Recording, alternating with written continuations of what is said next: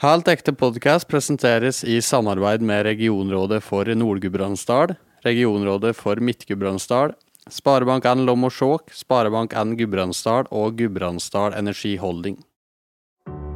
Du hører på Helt ekte med næringsliv fra Gudbrandsdalen. I denne podkasten skal vi prate med gründere, eiere og ledere i bedrifter fra Gudbrandsdalen. Mitt navn er Eskil Vassrud Vollberg.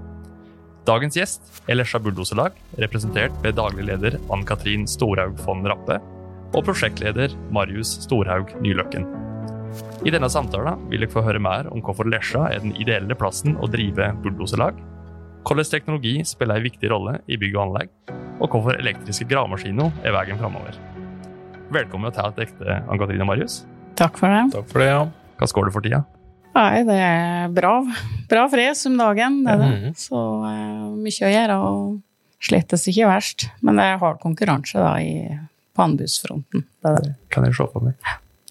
Nå sitter i dag, så er det jo uh, Hans som uh, styrer utafor med dårlig vær og i hele Gudbrandsdalen og for så vidt hele Norge. Mm. Jeg ser for meg at i slike perioder så er det antageligvis eh, mange av de tjenestene som dere tilbyr òg, som, Mm. som er relevante for folk. Mhm. Merker dere det i slike det krisesituasjoner eller værsituasjoner? Ja, hvis, hvis det blir ekstremt nok, så vil oss merke det. Mhm.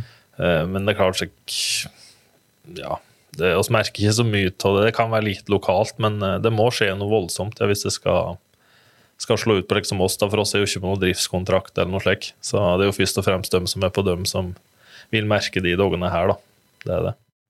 Og det er ikke noe som på en måte påvirker de prosjektene dere er i gang med?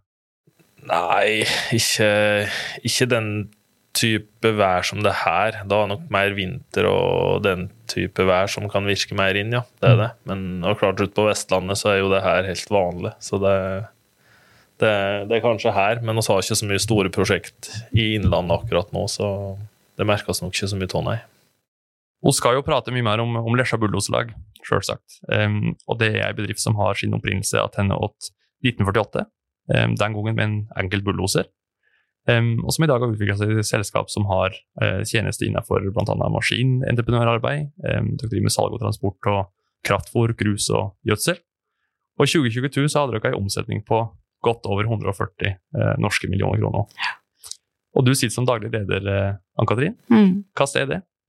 Nei, altså det er jo eh, mye lettere å sitte som daglig leder når du eh, når det blir resultatet, da. Ikke bare at omsetninga øker, men at du faktisk greier å se data på bortlina. Det er jo mye enklere det å sitte som daglig leder da, enn når det er røde tall. Da er det ikke så, eh, så artig. Men eh, det er klart, det, det har jo ikke kommet av seg sjøl, litt av det her landet, så det er jo mye jobbing fra Og så er jeg heldig og har gjerne mye flinke folk. Da er vi ute i produksjon og på kontor og Mm.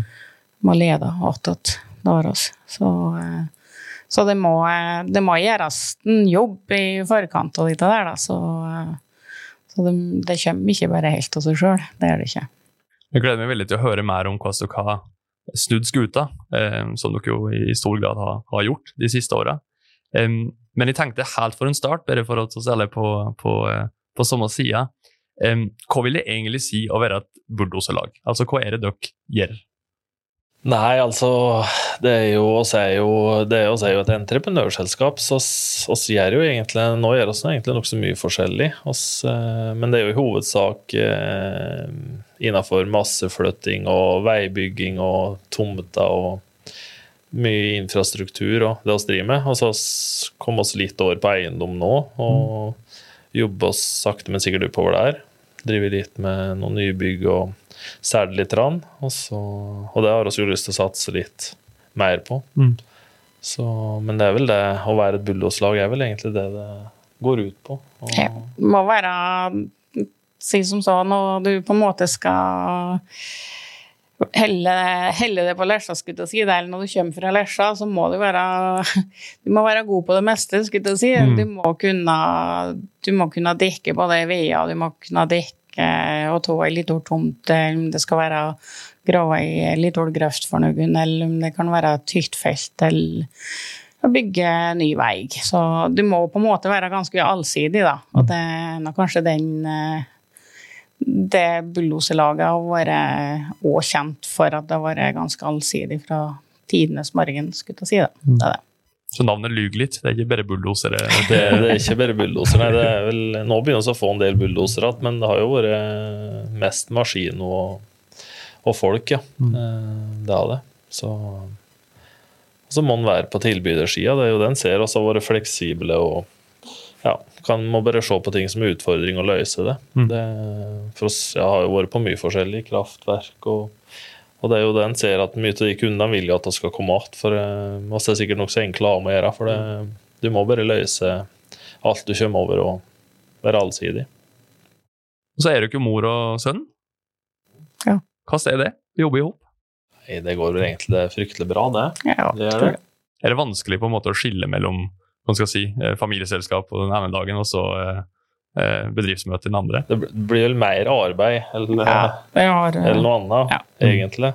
det har nok lett for at det blir det blir mye arbeid, skulle jeg si, eller mye prat om arbeid vi må si, lag på fritida, slik sett, og da skulle jeg si prøver. For jeg, jeg, jeg har fått passet påskrevet et par ganger at nå, nå er det faktisk fri, så, så jeg prøver at det ikke Men det er jo fort gjort, da, når det plutselig dukker opp at et eller annet som en blir diskutert, da. Så det Men at en eh, prøver litt sjøl, ja, attåt, da. Mm. Det, Vi skal eh, prate oss litt igjennom både gründerskap, eh, historia og, og selskapet, og jo selvsagt det som skjer eh, både i dag og i, og i framtida. Men jeg kunne tenke meg å, gå helt tilbake til starten. For jeg leste en plass at i 1948, når det starta opp, så var det den første bulldoseren i Gudbrandsdalen.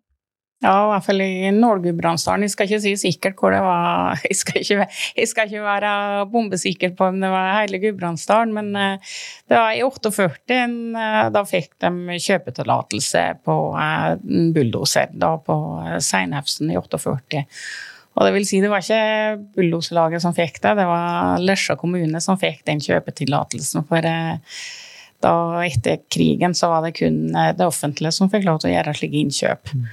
Så det var Lesja kommune som fikk det, og så fikk den kjøpetillatelsen, og så fikk da bulldoserlaget, da, men bestefar og disse to andre som var med og starta selskapet, da overtok den. Så, så liksom starten på selve selskapet, da, det ble i eh, på vårparten i 49, når den eh, en TD14 Internasjonal kom eh, fraktende helt fra Uniten, eh, og da på tog eh, og, og til Lesja stasjon, da. Mm. Det var det.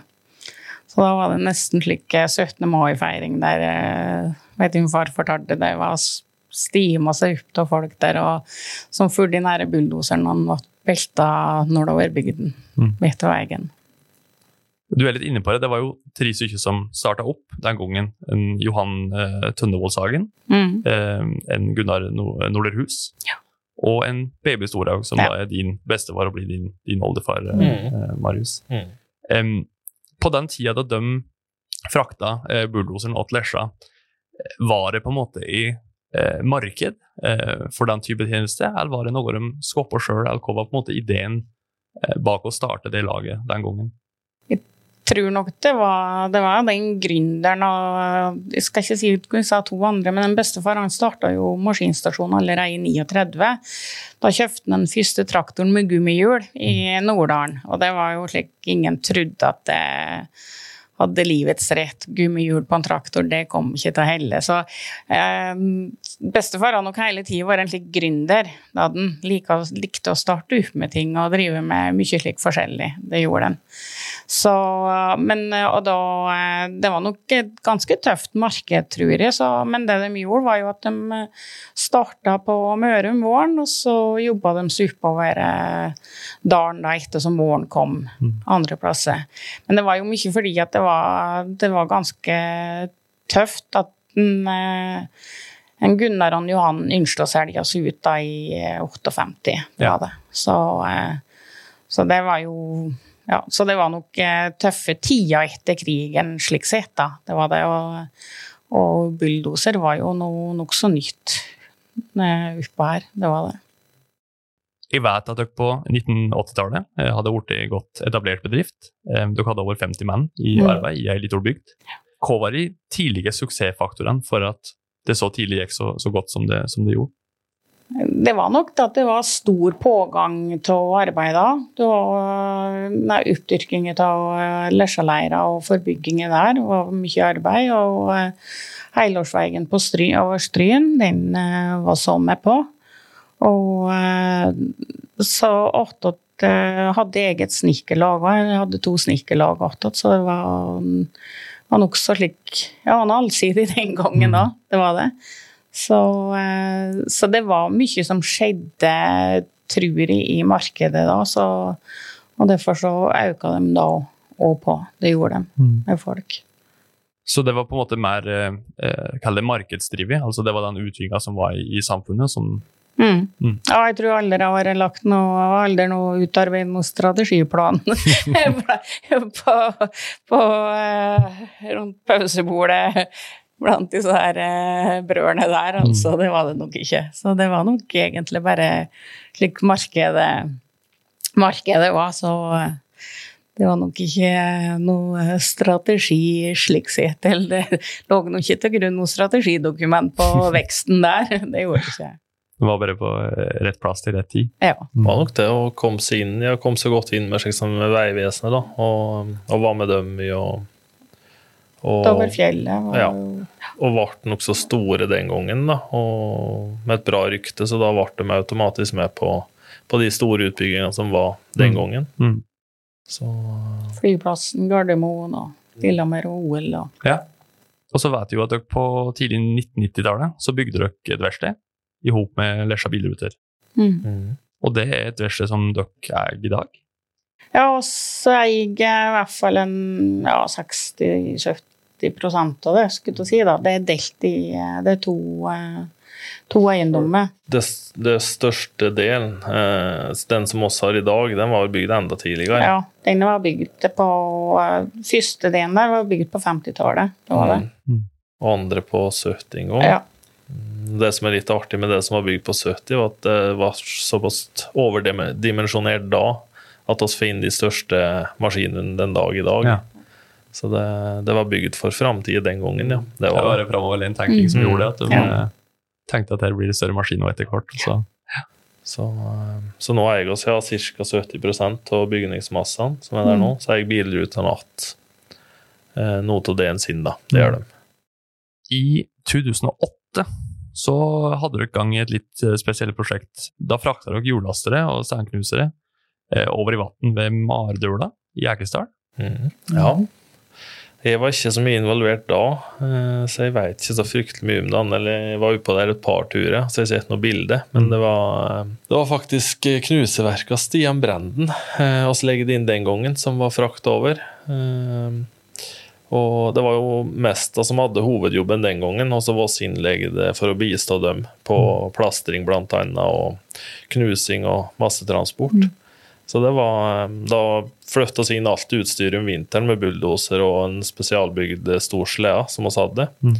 Så drog oss inn, og så drog oss mye over isen eh, på vårparten. Og så det som skulle inn senere da, oss drog jo blant annet inn en stor lekter som lå klar, da, og så fraktes oss inn det som skulle inn eh, det som kunne kjøres inn, da. Det kjørte oss inn, men det var fryktelig dårlig vei der, og så fikk oss eh, tillatelse til å jeg husker ikke hvem det var den gangen jeg som styrte der, men vi vi fikk i hvert fall utbedra veien litt, så vi klarte så vidt å komme over der med dumper eh, og traktor. Så, så han fikk så vidt drive knuseverket over der og fikk det ned på den flåta. Og eh, at den flåta ikke velta eh, når han fikk opp dette knuseverket, det var, det var nok ikke vår skyld, for det var, det var voldsomme saker til den misle flåta der, men eh, det gikk nå. Og eneste som gikk litt skeis på den runde der, var at vi mista ei gravemaskinskuffe på ja, Ja. 20-40 meters dyp der, som vi måtte ha dykkere for å få opp igjen. For Ja. eh,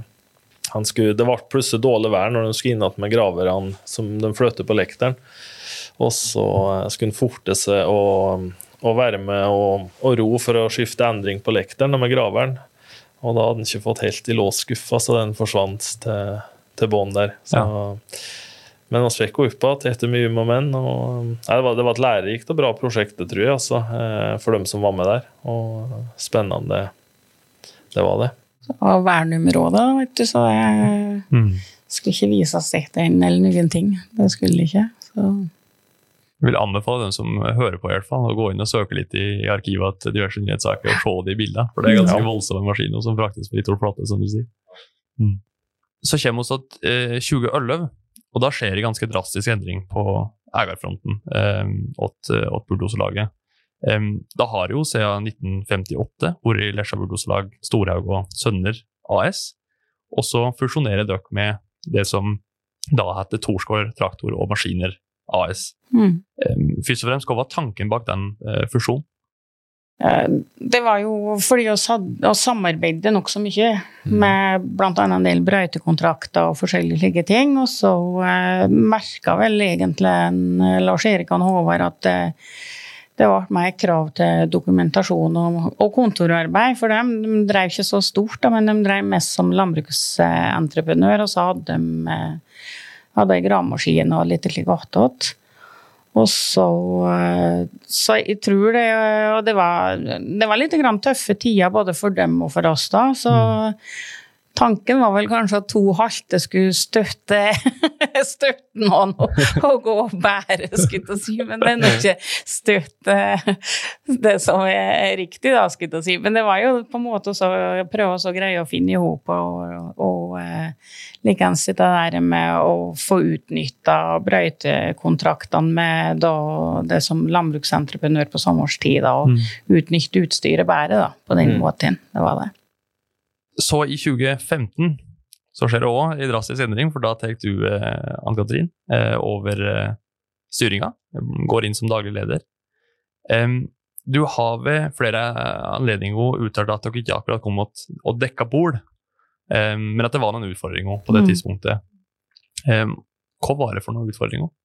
Da vi hadde generasjonsskiftet i 2007-2008, si, så var det jo eh, da var det jo eh, tre eldre, eldre karer som dreiv, det var det. Og det er klart at som da eh, egentlig var ferdig med, eller var, var pensjonist og vær så det. Og jeg tror kanskje det har litt grann med den eh, selskapet òg helt på vart på tur på å bli pensjonert, skulle jeg mm. si da, slik sett. da.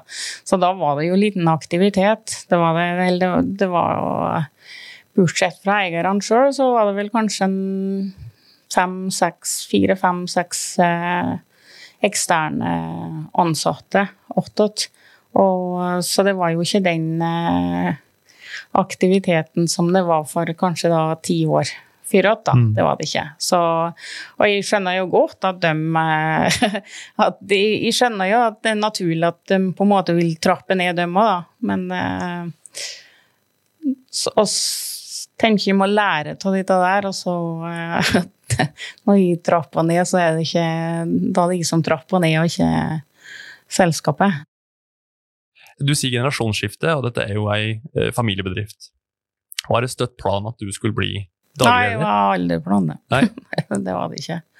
Så, men jeg har ikke planlagt noen ting. Jeg har fem unger, jeg har ikke planlagt én til dem. så, så det er slik Nei, det var det er litt slik tilfelle. Altså, jeg har jo tråkka mine barnefødskutt si, i bulldoselaget på verkstedet.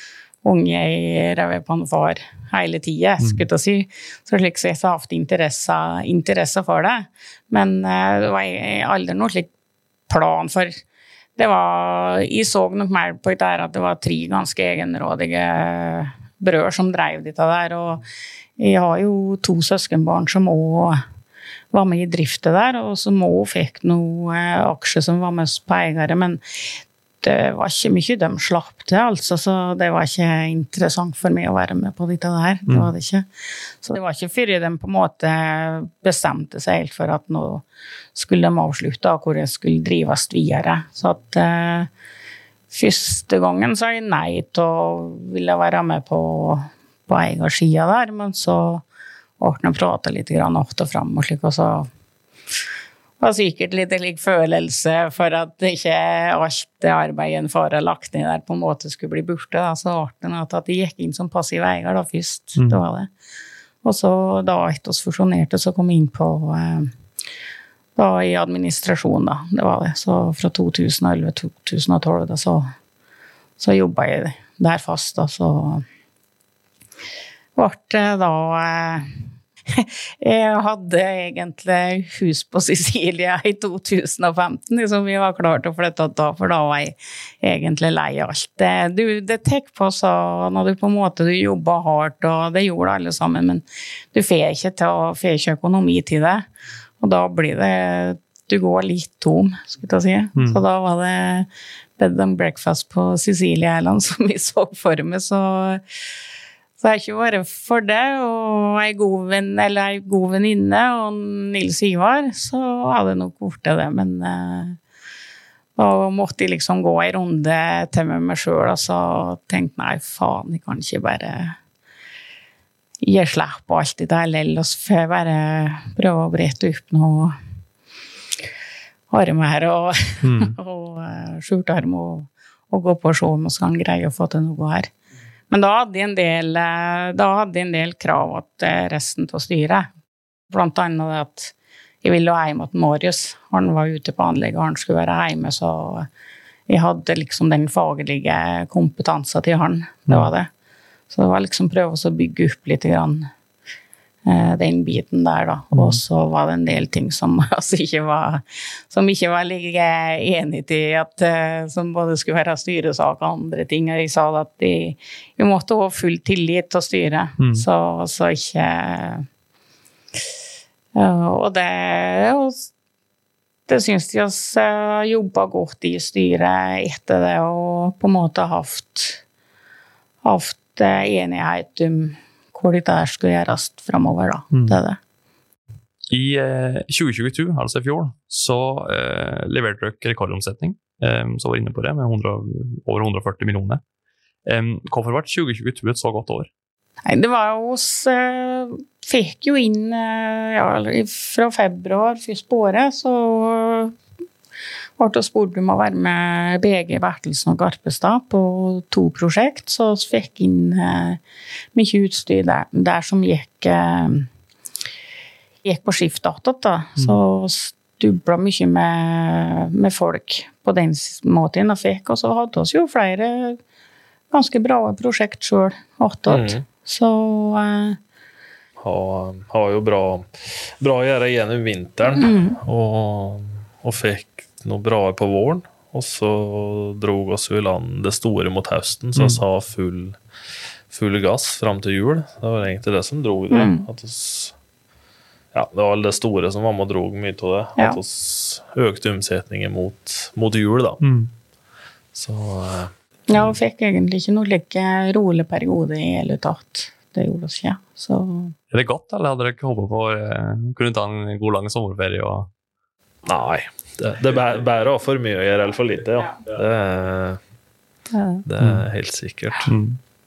Hvis en skulle eh, reflektert litt over den rolla som Lesja bulldoselaget har i dag, eh, kontra dere var på ja, i etterkrigstida, eh, hva vil dere si er de eh, største forskjellene, eller den største utviklinga eh, i selskapet? Det må vel være HMS-en og, og teknologien. Altså at vi har blitt ei meget oppegående og attraktiv bedrift, tror jeg. Og som, som jeg står veldig fram i skospissen og prøver å være med både på teknologiutvikling og, og det med HMS og jobber mye med det. At det skal være en trygg og sikker arbeidsplass. mm. Det tror jeg ikke var riktig så nøye den gangen. Er, er det altså deres strategi er det også fordi at det har blitt strengere krav fra myndigheter etc.? Nei, det er jo strengere krav, men oss, oss bestemte oss jo for det eh, her for noen år I siden. 2015, det. Ja. Så da var, hadde oss eh, Det har sittet noen ting hva liksom hva oss utfordra, blant annet eh, Christian Nilsplass, han som er prosjektleder i AFNA på Lillehammer. Han har sittet i styret hos oss. Ja. Og liksom, hva kan Lesjabulldoselag bli bedre på i forhold til f.eks. ÅF, da? Liksom, hva er det? Så fant vi vel ut det var vel ikke så mye. De eh, var vel ikke bare å løs på noe særlig, men nei da. nei da. Men da er det det systematiske HMS-arbeidet, å få, det, få systematisert det og få eh, prosedyrer på alt, og at det blir eh, så da kjørte vi oss HMS-samling og få det ned inn, ja, innså folk at hvorfor det er slik, jo, det er faktisk sikkerhet til de sjøl. Mm. Det er da nyttighet av det, og god HMS og god økonomi. Det er det. Mm. mm. Og eh, bank i bordet. og så har vært hjelma elde og så har ikke hatt noen alvorlige ulykker med folk eller tredjepart eller for den del. Det er ikke. Så eh, og jeg tror det er bra terskel for oss i dag for å si fra hvis det er noe de ikke syns det er ålreit. Mm. Og, og, det har nok òg litt med at vi har litt fokus på det sjøl, at, at det, det, ligger i hele Det ligger litt i kulturen mm. vår at vi har fått inn der. Det er det. Nå har dere lagt bak dere et rekordår i 2022. Blir 2023 et like, like godt år? Resultatmessig For tidlig å si ennå. Ja. Mm. Omsetningsmessig så oss vel over, ja. over enda, ja. så kan ligge an til å få et enda bedre år, men uh, resultatet er som regel vanskelig å si noe om før utpå høsten, ja, mm. når man ser uh, hvor det dreier godt mot slutten. Mm. Det er jo kanskje et av store prosjektet på Vestlandet som kan bestemme mye år, da, hvor vi havner. Mm. Det, og det skal jo avsluttes mot jul, så det og det er jo litt skummelt i den bransjen her å avslutte prosjektsjekk inn mot jul. For det, da skal du i hvert fall se langt fram i horisonten, så du klarer å ha noe klart som du helst begynner på før det. For det, mm. det er ofte det kanskje mange gjør feil, at du, du, du blir så bundet opp da, til, til ett prosjektsjekk at du, du får ikke regna på nye og får ikke mm. tak til nytt arbeid før, før du er på målstreken. Da. Mm. Og da da kan det gå ja. to, tre, fire måneder før du klarer å få inn et nytt prosjekt og komme i gang med det. Mm. Så, så, det å jobbe nokså hardt med å, å, prøve å ligge frampå med, med jobbe og ha en liten strategi på hvor vi skal få tak i arbeid. Og, men det er, det er vanskelig, da, når du også er jo ikke en kjempestor aktør, så det, det er liksom begrensa hvor mye vi klarer å ta på oss, og du skal få det til å passe med med at du avslutta det prosjektet du driver med. Da. Mm. Og, eh, så det, det, er jo det som kanskje er det aller mest krevende i denne bransjen, å, å få alt til å gå i hop. For det er klart, hvis vi må stå tre måneder nå med halvparten av utstyret, så da skjer det fort ting med omsetninga mm. neste år og resultat. Og, men vi er jo heldigvis gode slik at vi tåler det. Så eh, og så det, det var litt lavere før, vet jeg. Mm. så var livredd hvis en maskin skulle stå 14 dager, så var vi eh, livredd for hvor det skulle gå. Men mm. eh, nå, eh, nå tar vi ikke det så tungt lenger. Det, det er vel litt farlig, det òg, men ja. Eh, nei, du, må, du, må, hele tida jogge på i en bransje ja. mm. for, å, for, å, ligge fremst. Og i hvert fall hvis du skal klare å, å tjene penger, ja, for marginene er små. Mm. Det er de. Mm. Ja, hvis en tar den, den, prosessen da, fra på en måte i prosjekt blir eller ideen om et prosjekt eh, kommer til live til dere på en måte setter siste eh, spadetaket. Hvordan ser den prosessen ut? Da tenker du hele med bygg her og alt, mm. altså hele løpet? Nei, det vil jo starte med en idé, ja. Og så er det jo reguleringsplan, eh, anbudsfase, prosjektering. Så det er jo som regel fra du begynner å tenke på det, så kan det jo fort gå Det spørs jo på størrelsen, da. Men mm. det går jo minimum et år det er jo bare reguleringsplan, og så har du jo eh, ja. ja disse litt større prosjektene, så går det jo lenger før mm. byggherre i hele tatt får ut på anbudsfronten. da, mm. Og det er jo da oss på en måte tar det når det ligger ute på Dofin, eh, der alle offentlige anskaffelsene ligger. Mm. Og så er det da en anbudsprosess. Da kan det være da kanskje prekvalifisering, eller direkte at du gir inn en pris der og da på det og så da er det å gå og vente da, til de har fått uh, avgjort hvem som får den jobben. Det er det. Og så er det da å fortsatt ja, F.eks. er det Vegvesenet som er byggherre, så er det landa offentlig, så skal du inn med mye, mye dokumentasjon før du i hele tatt får begynt. Så det at det går en halvannen måned etter du har skrevet kontrakt, i hvert fall slik før du på en måte kan begynne å flytte på plass første maskina, da, og så mm. være begynne med selve jobben. Så, så, det er mye dokumentasjon i forkant av jobben, og det er mye dokumentasjon i etterkant av jobben. Mm. Det det. Og når dere legger inn anbud, hva er det dere opplever som er viktig for eh, dem dere legger inn anbud for? Er det på en måte primært pris, eller er det andre elementer som er er mest pris. Fryktelig mye pris, ja. ja. Det det, men, men, du ser jo at det er mer og mer vekting eh, i dag. Og det er nok litt for å bli kvitt de useriøse og kunne bestemme litt hvem de vil ha med seg. For det er klart det, det er noe som er mye annet. Det er nok ikke alle de har lyst til å ha med seg. Mm. Mye, så, så, det er mye vekting, sier en. Eh, men til sjuende og sist så er det ofte at det detter ned på pris. Da. Mm. Det, Men nå så jeg at nå Eh, alle offentlige anskaffelsene, eller innkjøpene. Mm. Det, det, offentlige nå skulle 30 skulle vektlegges på uh, miljøbiten ja. attåt. Ja.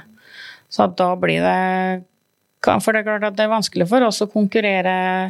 Og så har stort sett nokså nytt utstyr og det er nå egentlig bevisst og satsing at vi har.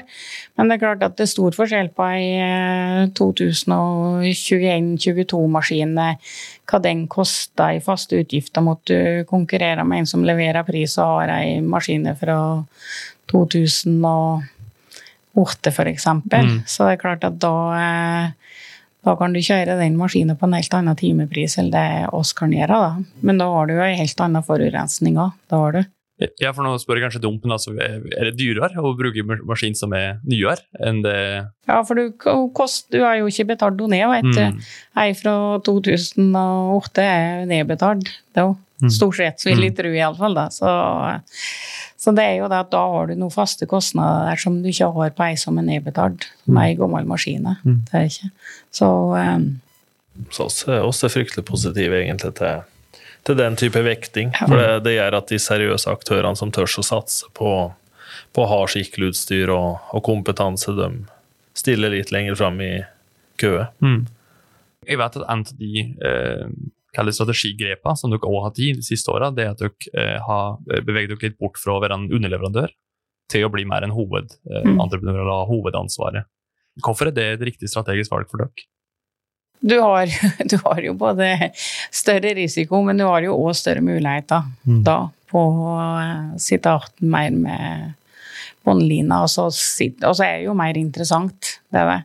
Og det, det ser en jo liksom på folkene våre òg, så er det De liker jo godt at nå vi har egne prosjekt og eh, nå før i ferien ute på Solund og skulle være ferdig med disse to fyllingene, så, eh, som også hadde delfrist på, da. Så hvis ikke så var det 50 000 i dagbøt ja. på hver side, skulle jeg si, så da tikka det fort. Men da utrolig til innsats, altså. Mm. Det var der da for at vi skulle komme i land. Og, og det er klart at med, fordi at da har de større eierskap åt prosjektet òg. Mm. Og det er vårt eget prosjekt, det. Så eierskapet blir nok litt annerledes. Og så er jo dette skal bygge kompetanse i bedrifter, så må en jo ha, ha prosjekt som de får lov til å være med og styre på. da. Mm. Det er det. Dere er jo inne litt på dette med kompetanse, men jeg ser jo for meg når dere, er, altså når dere driver prosjekter eh, mer på egen hånd, så har dere kanskje behov for mer kompetanse og annen type kompetanse enn når dere er en, eh, en, en underleverandør. Mm. mm. Eh, hvordan jobber dere med å tiltrekke dere kompetanse?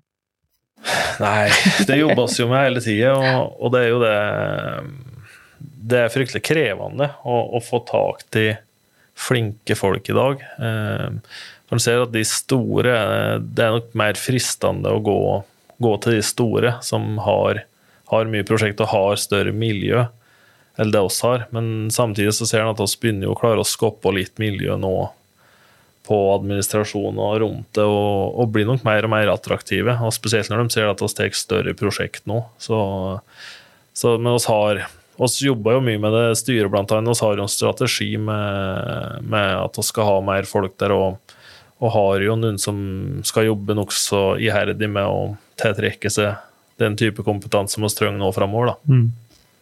Dette her med, med, miljø, som du er inne på, hvorfor er det viktig for dere? Altså dette med å skape et uh, miljø innad i bedriften? Jeg tror det har vær så mye å si i dag, da, som uh, kroner og øre. For at det, der er det så likt i dag. Mm.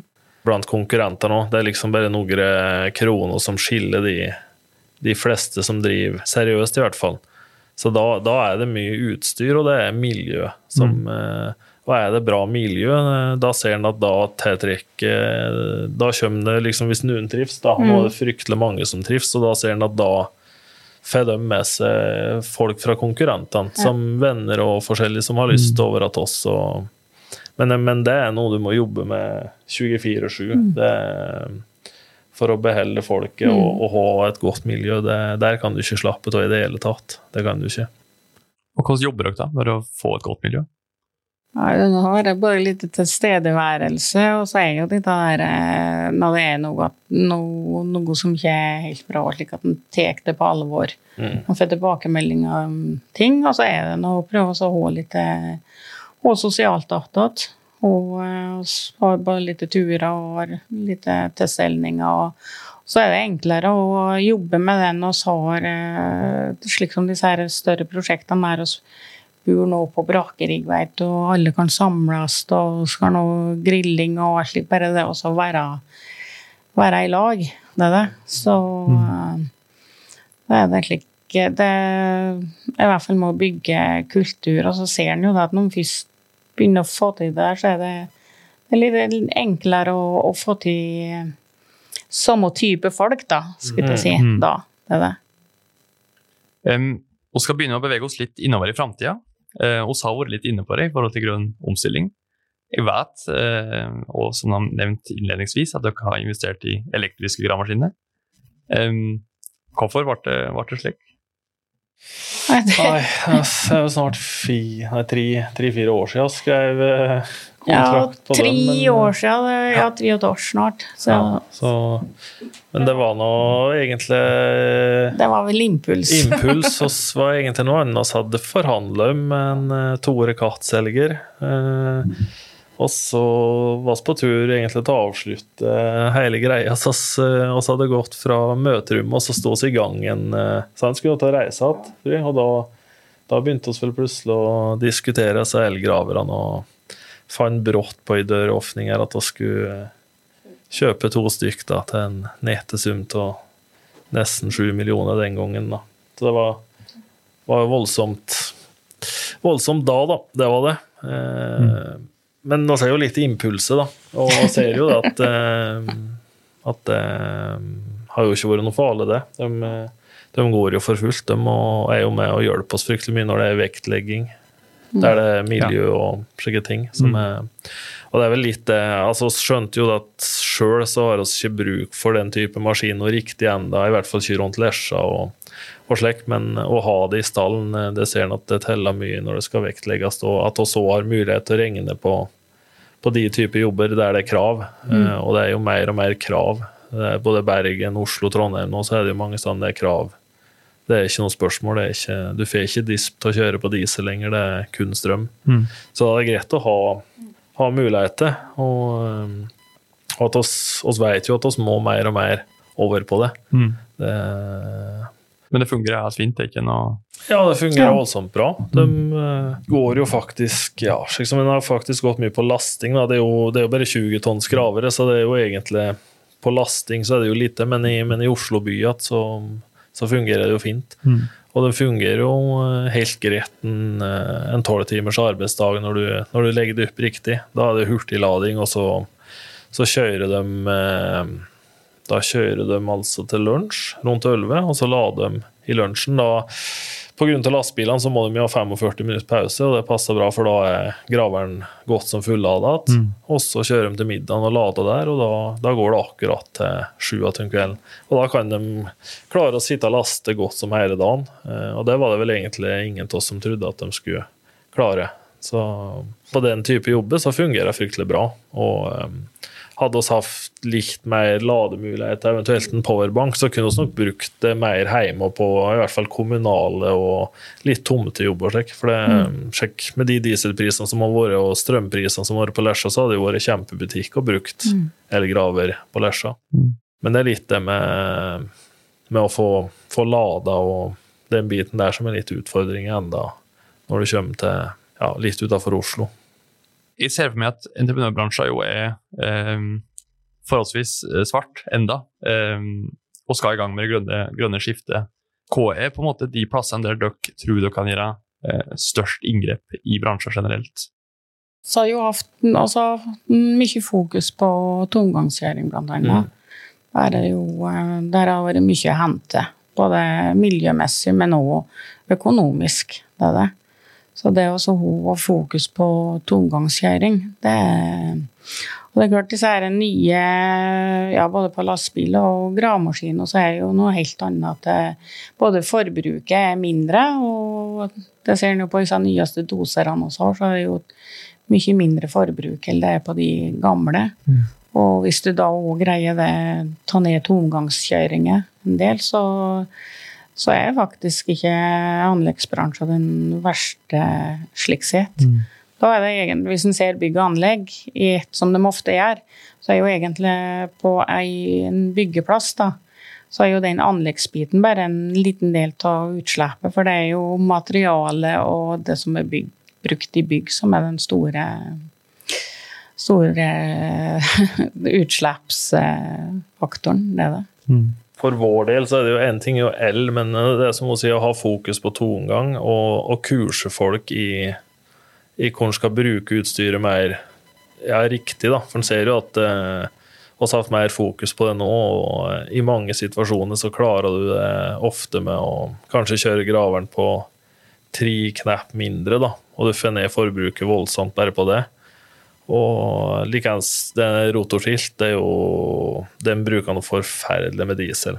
Og er veldig unødvendig i mange tilfeller. Så, så det er slike enkle ting der som må ha mye fokus på det. Der, der har vi mye å hente på, på miljø. Mm. Der oss. Og, og, der tror jeg vi egentlig har kommet nokså langt på mye av det. Uh, så, og så har vi jobba litt med, med noen tomgangsgreier da, som vi ikke skal si for mye om her, men uh, men der oss skal Ja, jeg skal ikke si så fryktelig mye om det, for det er litt Vi jobber litt med patent og noe greier der, da, ut mm. mot både Volvo og Katt.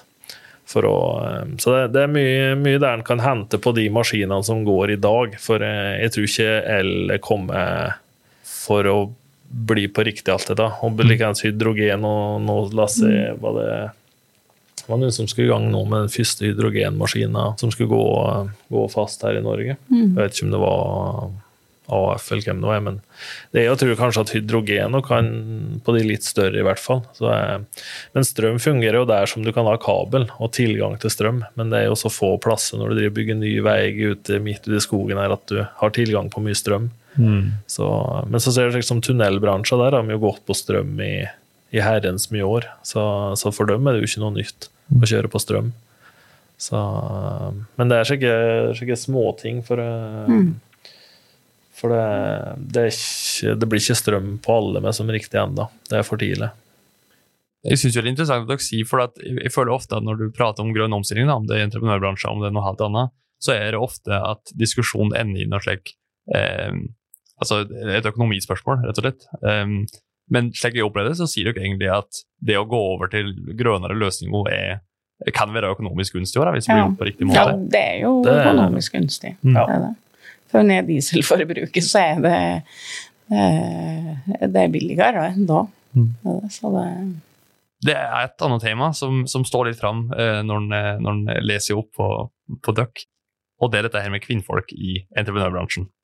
Dere har veldig mye kvinnfolk. Eh, jeg forestiller meg at det er forholdsvis atypisk eh, for den bransjen dere er i. Hvorfor er det blitt slik hos dere? Nei, nei, det er jo altså, jeg det er spørsmålet, men det er jo aldri noe jeg altså, Det er ikke noe jeg tenker på, eller noen annen tenker på. Mange liksom Ja, hvor er det å være sjef over så mye karer og slik, men det er ikke det er, som jeg har sagt til flere, at disse stakkarene da um, kjerringstyrte hjemme, og så kommer de på arbeid, så de jaggu kjerringstyrte her òg.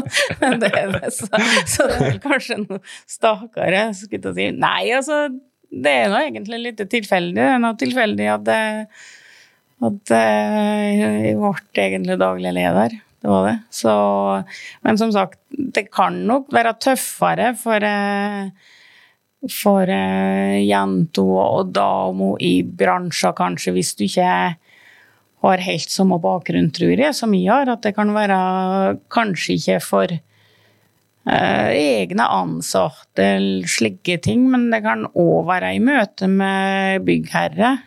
At uh, unge kvinnelige prosjektledere og alt liksom får du Har du har de nok eh, Du treffer en litt eldre byggherre som er en 60 pluss, kanskje, så har det lett for å Hvis den uh, sier noe, at uh, den byggelederen f.eks., så har han lett for å si det liksom av den vesla Liksom at Mm. det, det tror jeg nok kan være litt grann eh, eh, fortsatt i, i bransjen, da. At det ikke er like enkelt for alle. Men altså, hos oss så er nå Da kom nå Anna inn som prosjektleder. Det var noe fordi hun flytta hjem igjen, skulle jeg si. Hun har vært jobba hos andre entreprenører før igjen. Og Anna er Hun er søstera til Marius. Yes. Ja.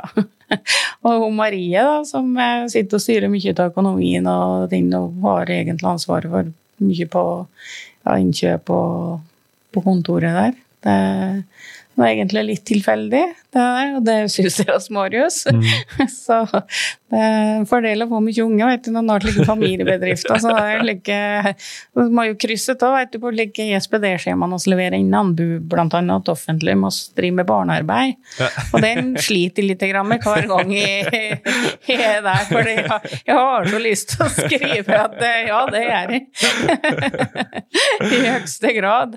Så nei, og oss på, eh, som sitter som ansvarlig for eh, HMS-en og KS-en. Og, nei, så nå Marte, kommer Marte inn og ny dame igjen, så med meg i ledelsen, så nei, Jeg tror det er bare sunt, det. Jeg tror det denne er ikke noen som bærer seg noe større. Og så noen få har oss ei på bulldoser.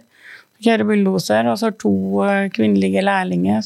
Så eh, prøve å få det med, få det ut i, eh, i produksjoner. At det oss eh, får inn jentene der. Og jeg tror det er synd for miljøet at det, det blir, blir litt grann blanda. Det er det. Ja, for Hvis en på en måte vender eh, si, tankegangen litt da, og tenker eh, hva er det som er det hva er det eh, kvinner tilfører den bransjen? Altså Hvorfor er det viktig å ha kvinner i, i de miljøene, f.eks.? De er jo mer strukturerte, da, oss mannfolka. Og ja, kanskje. Ja, ikke du, da, men, det men mange er nå det. Nei, jeg veit ikke. Og så er det mjuka kanskje opp stemningen ja. litt. grann, Og, ja, det er jo ikke bra at det er så mannsdominert, egentlig. Så Jeg tror det har egentlig med både kvinnearbeidsplass og mannlige arbeidsplasser i at det, det er ikke helt bra nå. det bare er det er bare når det er litt grann blanda, tror jeg. Så, men ikke det. Jeg føler ikke det at oss ansetter fordi at det er, er jenter fordi at det er Gud, skulle jeg si, men at det er jo oss vil ha de rette folkene, skulle jeg si. Så da om det innover tiss eller utover tiss har egentlig ikke så fryktelig mye å si. Det er ikke, men at det skader ikke at det kommer mer eh, kommer mer eh, jenter inn i bransjen, det tror jeg ikke er noe skadelig. Det er det ikke. Og jeg tenker jo det, er interessant da, at dere, det, som du sier, dere har jo ikke en aktiv strategi for å tiltrekke dere eh, kvinner, men de kommer likevel. Ja. mm. Er det kanskje altså, antageligvis fordi at det er andre som har gått før dem, på en måte, eller er det eh, noe spesielt med, med Lesja Bulldoserlag som gjør at det er ekstra attraktivt da, for eh, kvinner å gå inn i det selskapet? Nei, altså det, det kan jo hende at, det- at det er litt mindre skummelt når det er kvinnelig daglig leder, da, jeg vet ikke. Men det er vel òg at det er mer kvinner på tur inn i miljøet nå enn det har vært tidligere. Det er jo satsa på å ha det fra skolehold og egentlig hele turen. Ja. Så det er vel litt det òg som gjør det. Men jeg, jeg føler at oss har en riktig tilvenning til det, som bare tar med oss dem oss ja, som søker oss, som Ja. oss tror er flinke, Ja. og ser egentlig ikke på om det er gutt eller jente. Mm. Det, det er ikke det som er så nøye hos oss. Det er det ikke. Ja. Det er mer hva oss tror de kan bidra med. Personbasert. Ja, Ja. Dere er jo et selskap som har tatt mye eh, initiativ til å komme videre i framtidas bransje, eh, grønn omstilling eh, eh, og på andre måter. Og så vet jeg at dere har blant annet vært med og eh, arrangert teknologimesse eh, på Lesja. Dere har gått i hop i nettverk med andre entreprenører for å utvikle IT-tjenester eller, te teknologi.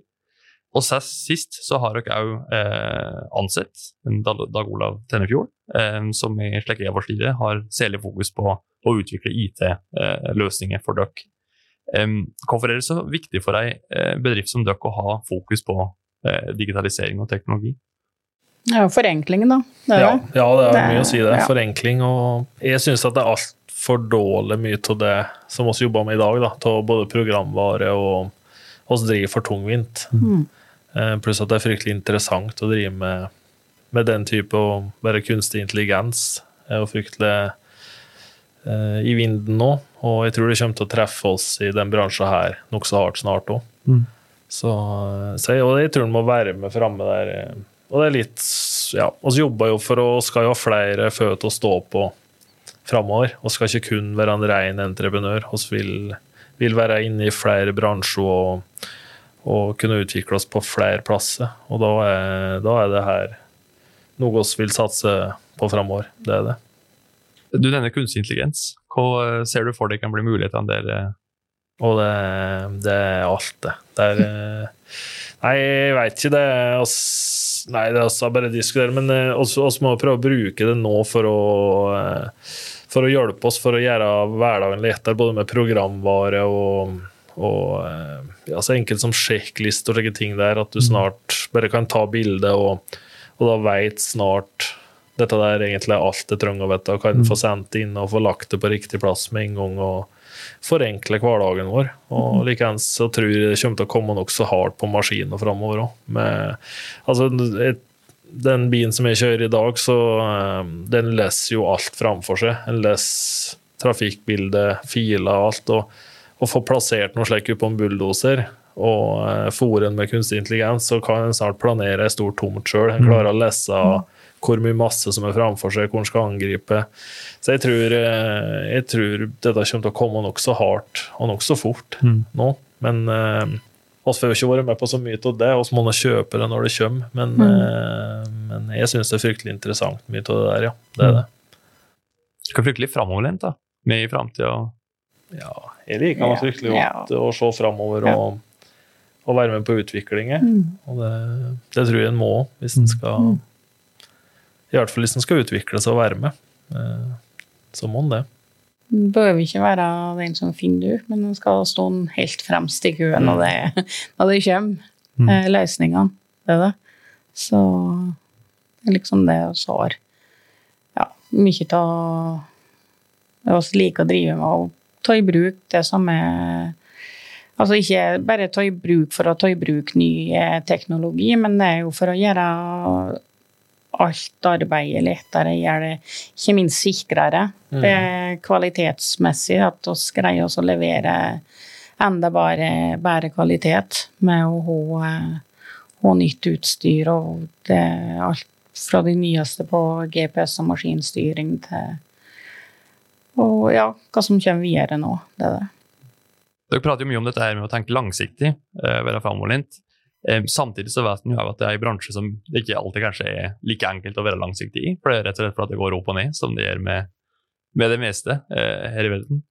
Hvordan jobber dere for å på en måte sikre dere for framtida? Altså hvordan jobber dere for å forutse markedet og, og slike ting? det, er ganske vanskelig, for det er klart at vi tenker langsiktig med selskapet på en måte hva vi tenker oss vil gå.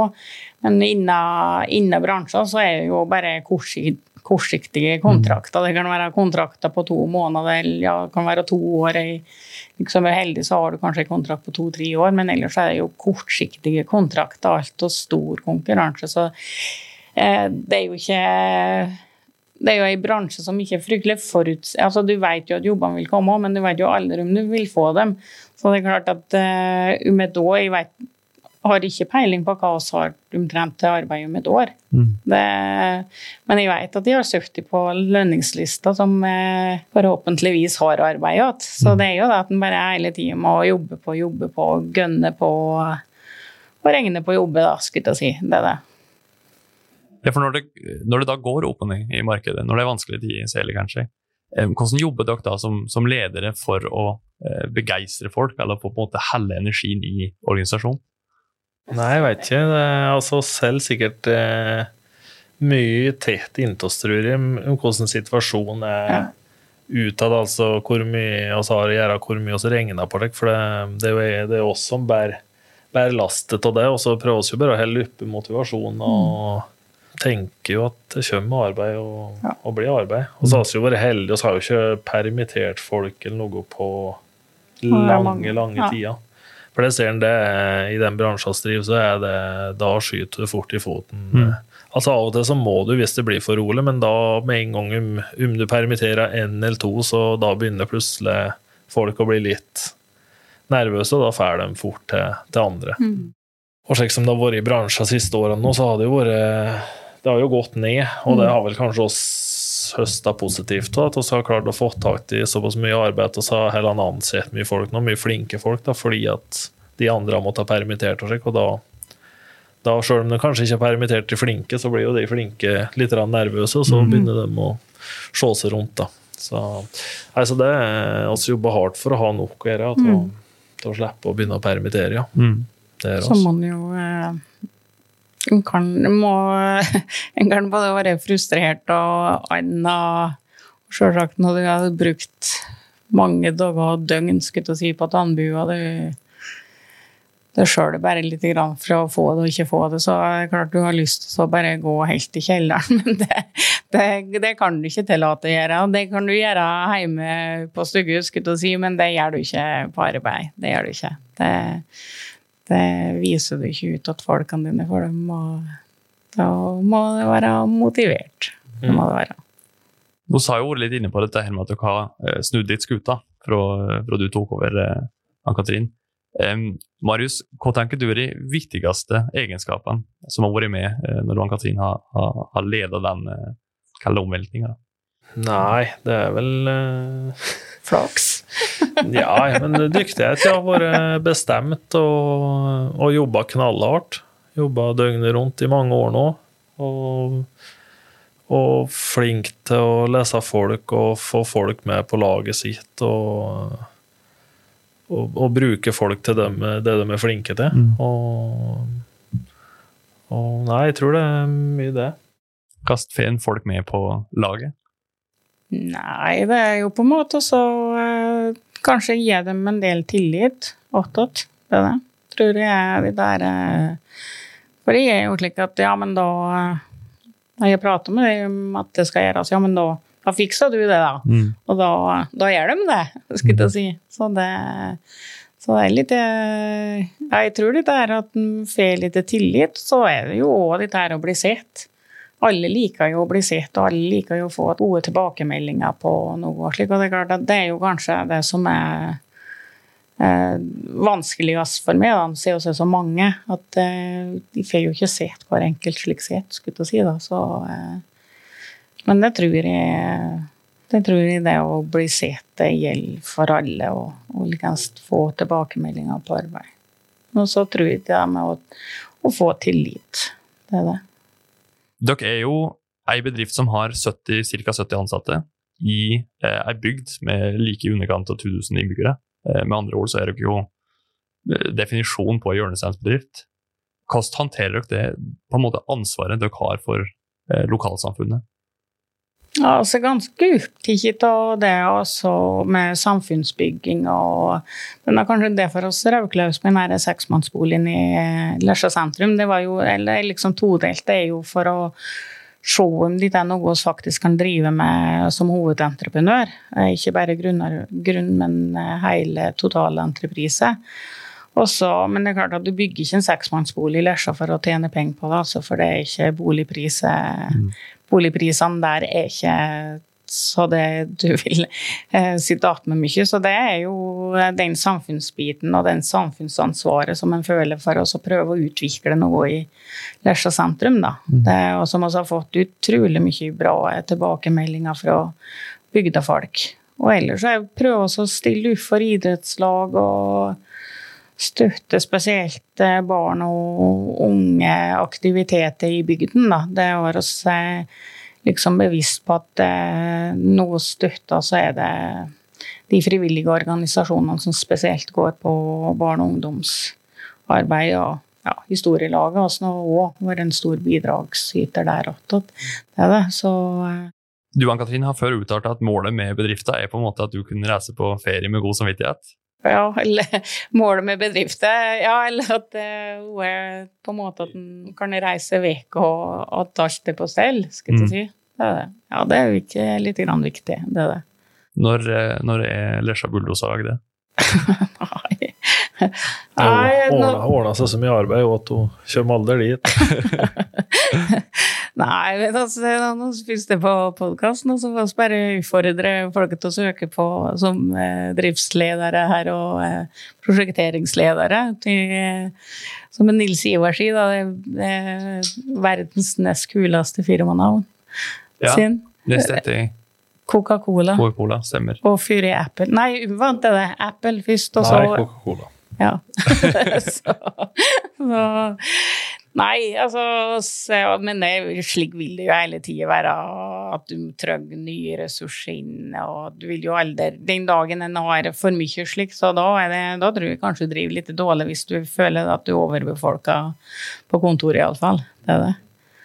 Så, men det er klart at jeg syns nå kanskje begynner å har lagt på røyr i morgen, så syns de da kanskje jeg kan levere fra meg ei bra bedrift da, videre. Det gjør det.